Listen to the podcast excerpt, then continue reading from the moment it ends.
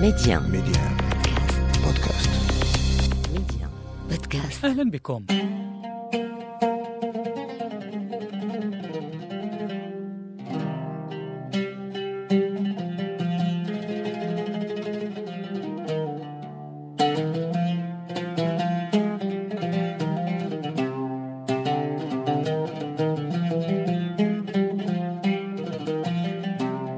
كثيرا ما نظر إلى الدين كمسبب للصراعات عبر القرون وإن لم تكن تلك غايته في الأصل. لكن قراءات الناس للنص الديني وتفسيره وتأويله تبعا لمستوى الأفهام واختلاف السياقات والظروف جعلت من تعدد الديانات وتمايزها عامل تنافر أكثر منها عامل تقارب. قد يقول قائل إن هذه القراءة مسيسة أو اختزالية. وقد يقول آخر إن ربط الدين بالصراعات هو في حد ذاته باعث على إشعال الخلاف وما كانت تلك الغاية ولا المراد. لكن للتاريخ رأي ومن التاريخ حروب الردة في الإسلام والحروب الصليبية في الشرق الأوسط واقتتال المسيحيين المشرقيين ولاحقا بأوروبا فيما بينهم.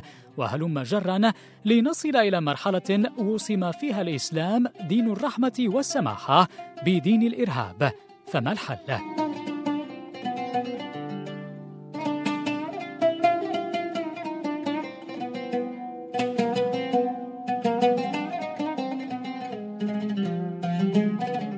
قد يبدو التعبير الدبلوماسية الدينية جزءا من الحل.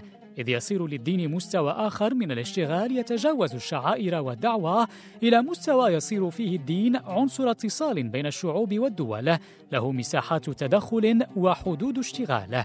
اليوم نتعرف في السياق على هذا الدور مع الدكتور عبد الرحيم شطيبة نائب عميد كلية الشريعة بجامعة سيدي محمد بن عبد الله بمدينة فاس ومنسق ماستر الدبلوماسية الدينية.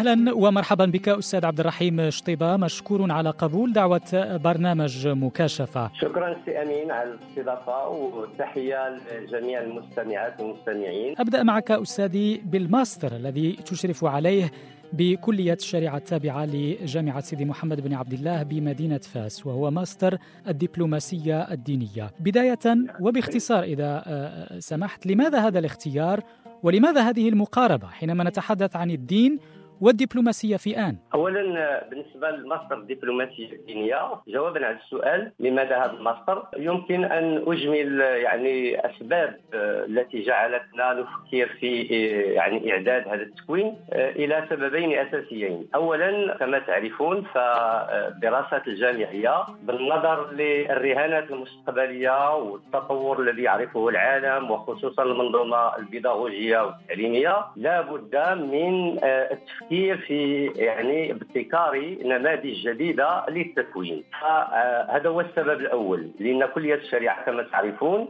يعني تحتضن عدة تكوينات ولكنها تكوينات كلها قديمة وترتكز على بعض العلوم التي هي يعني لها أهميتها وراهنيتها ولكن يعني متواجدة في جميع الكليات.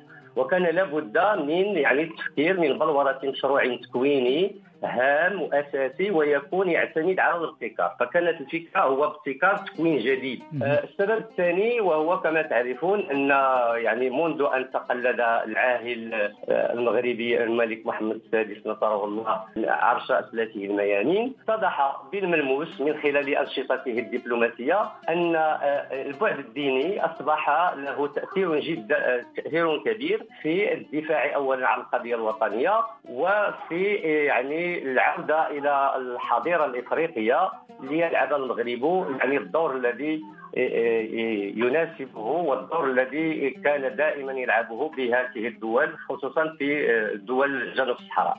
فهذه هي الأسباب الأساسية. طيب حينما نقول الدين فنحن نتحدث هنا عن مجال روحاني يربط بشكل خاص العبادة بخالقهم أو بما يؤمنون به على وجه عام. هذا التعريف المتواضع عليه للدين. وحينما نقول دبلوماسية من جهة أخرى نتحدث عن مجال لربط قنوات الاتصال بين الدول والكيانات السياسية. بمعنى نحن أمام مجالين يفترض أنهما بعيدان عن بعضهما البعض نوعا ما أو على الأقل هذا ما يخيل إلينا ظاهريا. السؤال هو كيف يكون للدين آه، دور في الدبلوماسية أو في الربط بين الدول أو الجماعات آه، أستاذ شطيبة أولا لابد أن أن ننتبه إلى شيء أساسي جدا.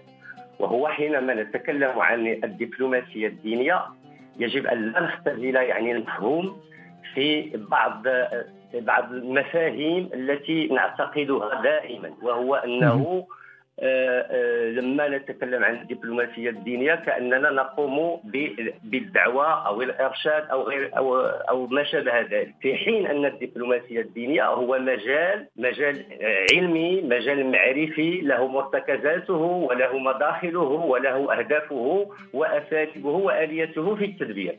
ومن هذه الآليات التدبيرية أولا تكون من الجانب القانوني المتمثل في المنظومة القانونية التي تنظم العلاقات ما بين الدول. وهذه المنظومة القانونية هي الأصل في يعني ربط العلاقات وإقامة السياسات الخارجية. لكن كما تعلمون يعني منذ احداث 11 سبتمبر آه، بدا أن هذه العلاقات التي يعني ينتظم من خلالها تنتظم من خلالها المنظومة يعني الدولية والعالم أصبحت بحاجة إلى عامل آخر حتى تتمكن من تجاوز بعض يعني المشاكل التي طرحت في السنوات الأخيرة وأقصد بذلك يعني الفكر المتطرف ومظاهر يعني التطرف بمختلف أنواعه وآلياته.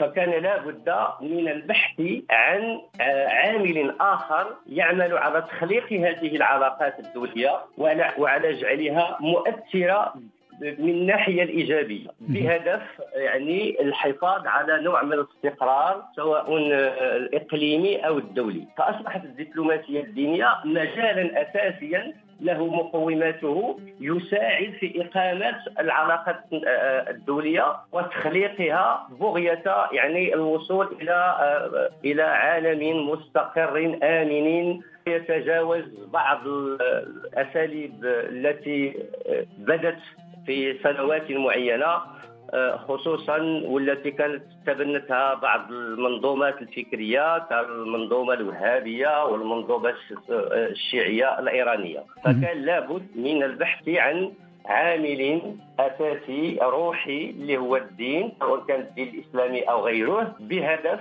يعني الحفاظ على الأمن آه، الدولي. يعني يعني هل يمكن أن نعتبر هنا أن آه، هذه الدبلوماسية الدينية هي رد فعل على آه، آه، ما جرى تقريبا منذ 2001 يعني أحداث الحادي عشر من آه، شتنبر. وربما كذلك حتى النظرة التي أصبحت أو أصبح يوصم بها الإسلام تحديدا بأنه منشأ للجماعات المتطرفة أحيانا. وإن كانت يعني هذه صورة في جزء كبير منها مغلوط. بمعنى هنا هل نتحدث عن رد فعل؟ يمكن أن نجيب عن هذا السؤال من خلال تحديد يعني المجال الذي نتكلم فيه. فعلى المستوى الدولي كما تعرفون هو البعد الديني كان دائما يحتل واحد المكانه في الدراسة الدولية حتى قبل انهيار الاتحاد السوفيتي وانتهاء الحرب الباردة. فآنذاك برزت العديد من الدلائل التي تبين وتؤكد دور الدين في العلاقة الدولية برغم من السيطرة ديال المدرسة الواقعية والسلوكية منها الثورة الإسلامية الإيرانية ديال 1978 حتى 79 والحرب الأهلية ما بين الإسلاميين والشيوعيين في أفغانستان في بداية 1978 وكذلك حرب الخليج ديال 90 1090 آه، الحروب التي عرفتها البوسنة وكذلك حتى على مستوى الولايات المتحدة الأمريكية لما ظهرت الأصولية المسيحية وأصبح الدور السياسي للأصوليين المسيحيين بالخصوص في الكنيسة الأنجلية الثانية أصبحت كلها عوامل يعني تؤثر في إقامة السياسة الخارجية لا الداخلية ولا الخارجية للولايات المتحدة الأمريكية. ففي كل كل الدول وكيف كل الدول تميزت بنظرتها للبعد الديني من حيث إما الاعتماد عليه في إقامة آه، سياستها الداخلية والخارجية أو استغلاله إذا رجعنا مثلا للمغرب المغرب أنا في نظري كي يحتل واحد المكانة خاصة. المغرب على المستوى السياسة آه، اولا الداخلية كما تعرفون من بعد أحداث ديال 2003 ديال الدار البيضاء المغرب خطى واحد الخطوة كبيرة جدا سماها بإعادة تنظيم الشأن الديني واستطاع من خلال هذا النموذج أنه من خلال هذا إعادة النظر في الهيكلة والتنظيم استطاع أن يقيم أن يبلور نموذجا أصبح يحتذى به في مجموعة من الدول. على المستوى الداخلي تعامل مع الدين آه، واحد المعاملة آه، مهمة جدا عندها مرتكزات ديالها يمكن نرجعوا لها. والهدف منها وهو الحفاظ على استقرار الدولة والامن ديال الدولة. على المستوى الخارجي على مستوى علاقته مع دول الجوار وخصوصا كان لما كنتكلموا على هذا الأمر كنفكر مباشرة الإفريقية خصوصا دول جنوب الصحراء. سنعود لمناقشة هذه النقطة بالتفصيل أستاذ شطيبه في العدد المقبل بحول الله لأننا استوفينا وقت البرنامج. ممتن لك سيدي الكريم على كل هذه التوضيحات وممتن أيضا لمستمعينا على حسن الإصغاء والمتابعة. دمتم في أمان الله نعود ونلقاكم في العدد المقبل. ميديا. ميديا. بودكاست. ميديا. بودكاست.